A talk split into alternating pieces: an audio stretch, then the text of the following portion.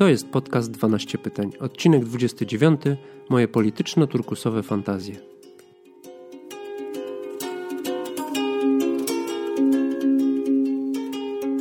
Cześć, nazywam się Przemek Karczewski i witam Cię w podcaście 12 pytań, w którym będę starał się zainspirować Cię do refleksji nad sobą, swoją świadomością oraz możliwościami i wyzwaniami, jakie wiążą się z turkusową transformacją ludzi i organizacji.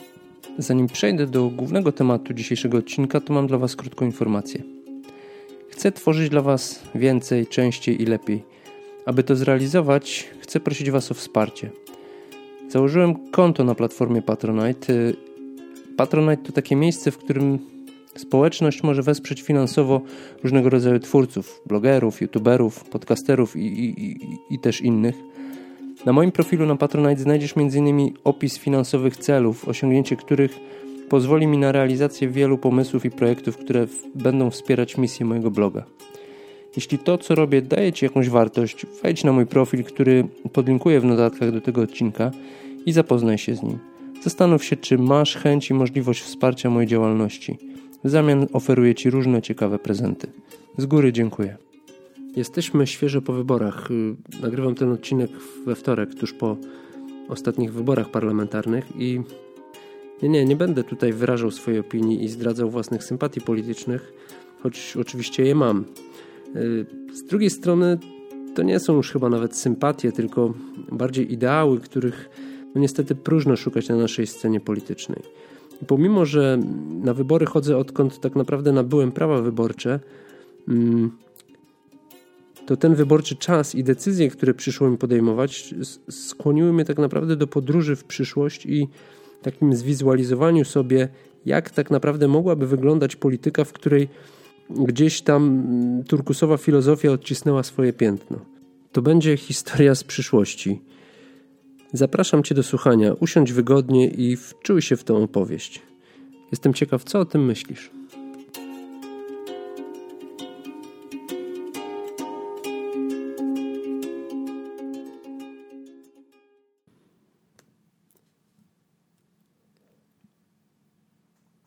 Sprawnie zalogowałem się na stronę wyborów parlamentarnych. Jeszcze tylko kilka prostych kroków i w zasadzie gotowe. Zagłosowałem. I wtedy to sobie uświadomiłem. Po raz pierwszy chyba nie mam cienia wątpliwości, że wybrałem właściwych ludzi, chociaż ze swych praw wyborczych korzystam od ponad trzech dekad. Dopiero teraz, tak naprawdę, w przeddzień swoich pięćdziesiątych urodzin, mam poczucie, że żyję w normalnym kraju. Dzisiejszy dzień na stałe zapisze się w historii, pomyślałem, patrząc na ciąg cyfr, które układały się na ekranie komputera w datę 25 września 2027 roku. Wszystko zaczęło się około 10 lat temu od popularyzacji tzw. Tak turkusowych organizacji opisanych przez Frederika Laloux w kultowej już książce Pracować inaczej. Mało kto wtedy przypuszczał, że turkusowa filozofia przyjmie się na naszym gościnnym, ale jednak dość konserwatywnym gruncie. A jednak okazało się, że udało się, zakiełkował.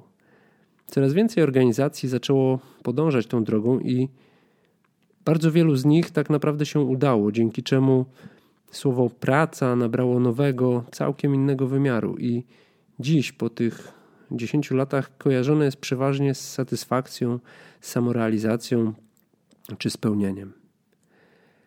Ale w jaki sposób turkusowa transformacja przyniosła się na salony rodzimej polityki? Tego nie wiem, jednak po nadziejach związanych z wyborami parlamentarnymi z 2019 roku bardzo szybko pozostało niestety jedynie rozczarowanie. Miało być inaczej, a wyszło no, jak zwykle.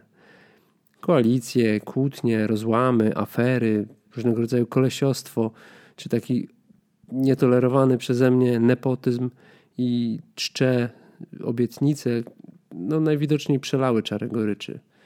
I wtedy właśnie pojawili się oni.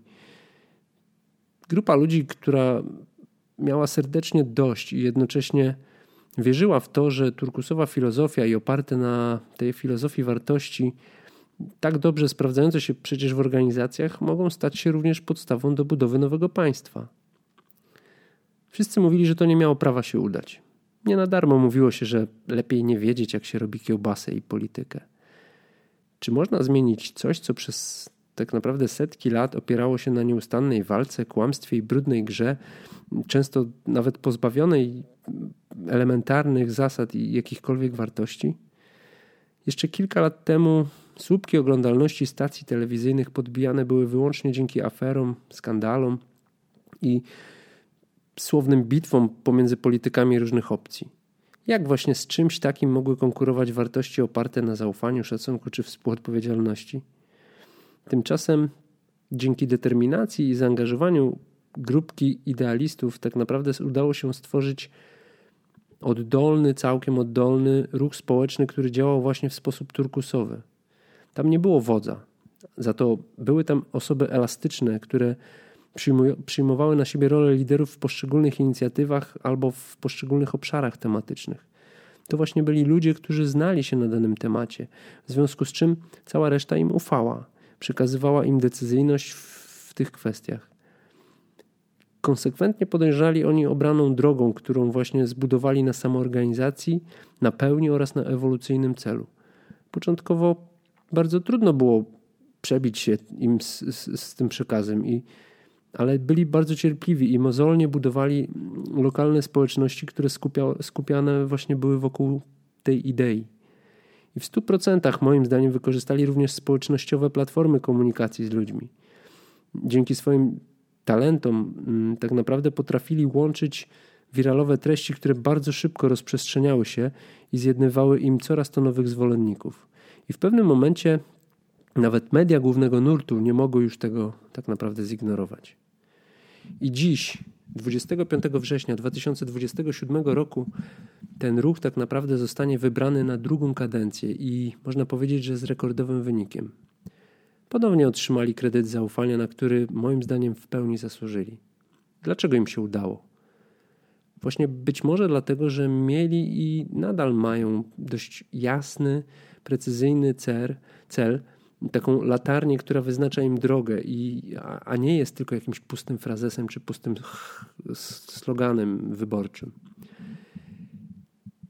Ten cel właśnie stanowi ich sens istnienia i to widać w każdym działaniu są spójni, są bardzo prawdziwi, są też uczciwi i godni zaufania. Coś, co jest niespotykane, do tej pory nie było niespotykane na naszej scenie politycznej. Z tej właśnie swojej całej różnorodności, z tej pełni potrafią czerpać siłę, a ze swoich błędów, które no, niestety zdarzyło im się popełnić, wyciągali zazwyczaj cenne lekcje. Taką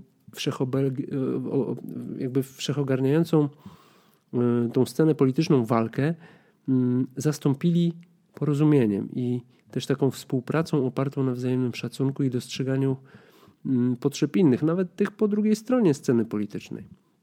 A być może właśnie po prostu dlatego, że byli całkowicie inni od swoich poprzedników. Pewien japoński pisarz powiedział kiedyś, że polityka jest poprawianiem świata, które tak naprawdę nigdy się nie kończy.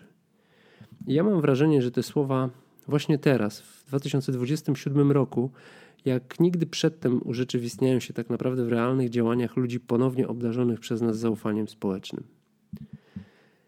Wystarczy tutaj spojrzeć na ograniczoną do minimum liczbę instytucji czy urzędów kontrolnych. Zamiast setek dokumentów potwierdzających, zaświadczających to czy tamto, tak naprawdę teraz wystarczy złożyć czasem zwykłe oświadczenie – Przecież każdy wie, że jeśli oszuka, no to może zostać zdemaskowany na podstawie losowo przeprowadzanych weryfikacji.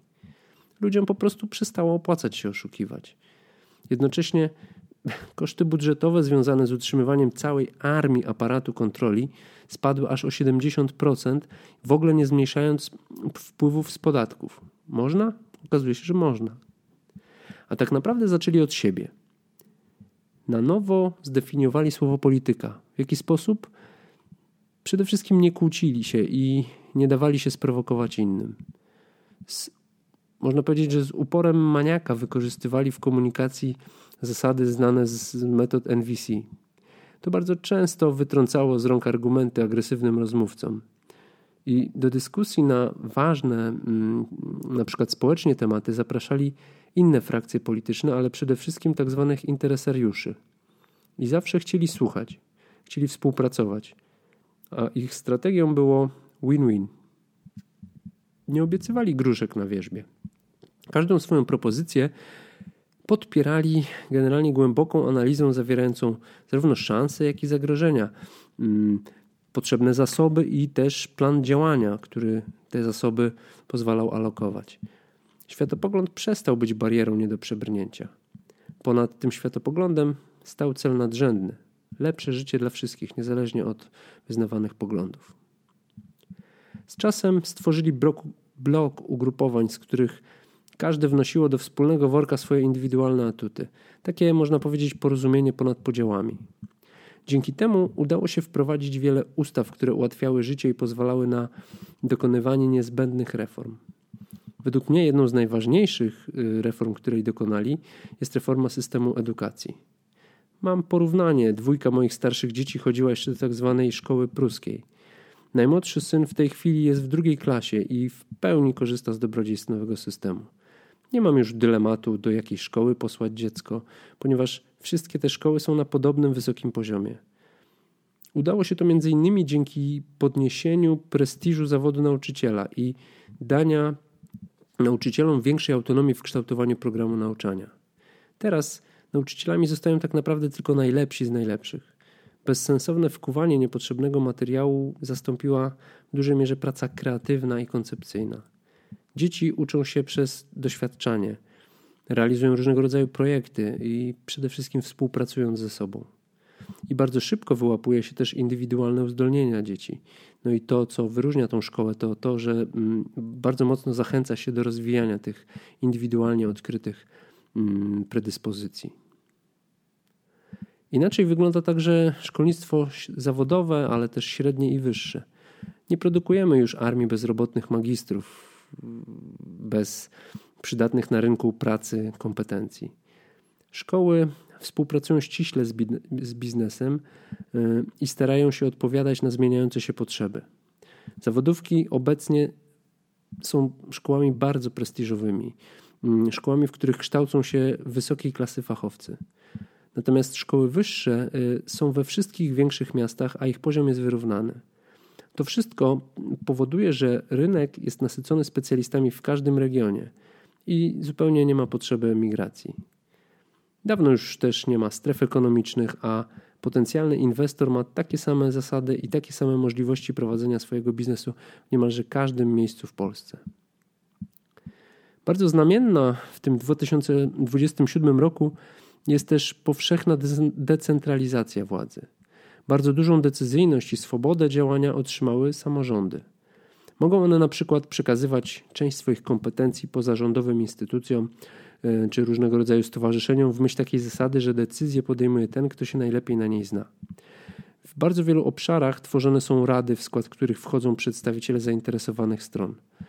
To natomiast pozwala na wypracowanie rozwiązań, które nie są oderwane od realnych potrzeb i jednocześnie mm, są one korzystne dla wszystkich grup, wszystkich zainteresowanych osób.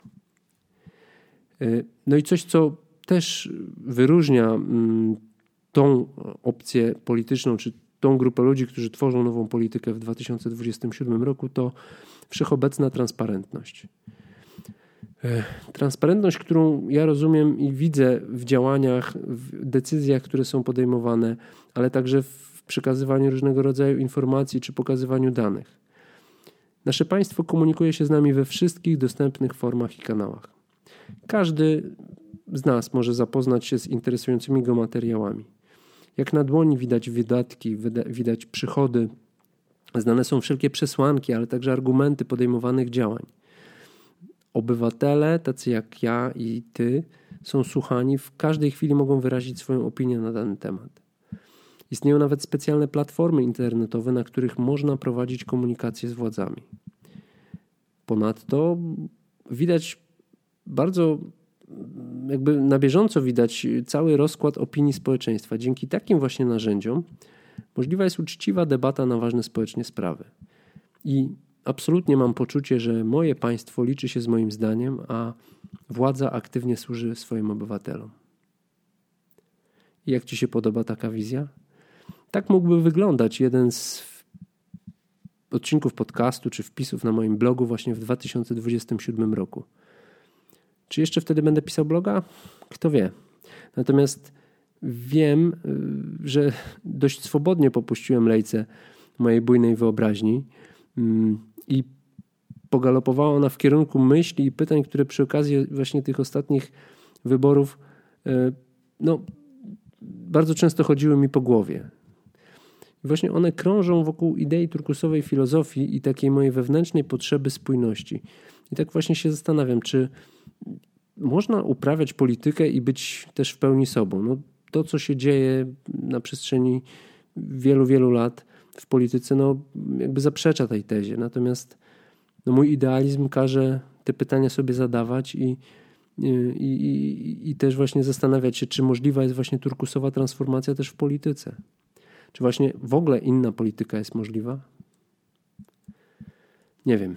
Wszystkie obiektywne fakty i okoliczności, i właśnie to, co się dzieje dookoła niemalże codziennie mm, w polityce, przemawiają za tym, że ta alternatywna wersja przyszłości tak naprawdę nie ma prawa się wydarzyć. Natomiast jeszcze raz tu mój idealizm dochodzi do głosu.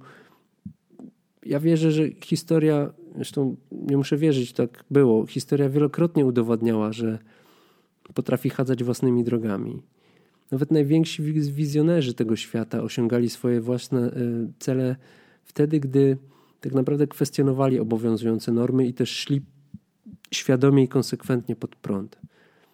Na przykład Heraklit z Efezu powiedział: Kto nie dąży do rzeczy niemożliwych, nigdy ich nie osiągnie. Więc dopóki mam wybór, to tak naprawdę wolę wierzyć, że można, a nawet naszym obowiązkiem jest próbować.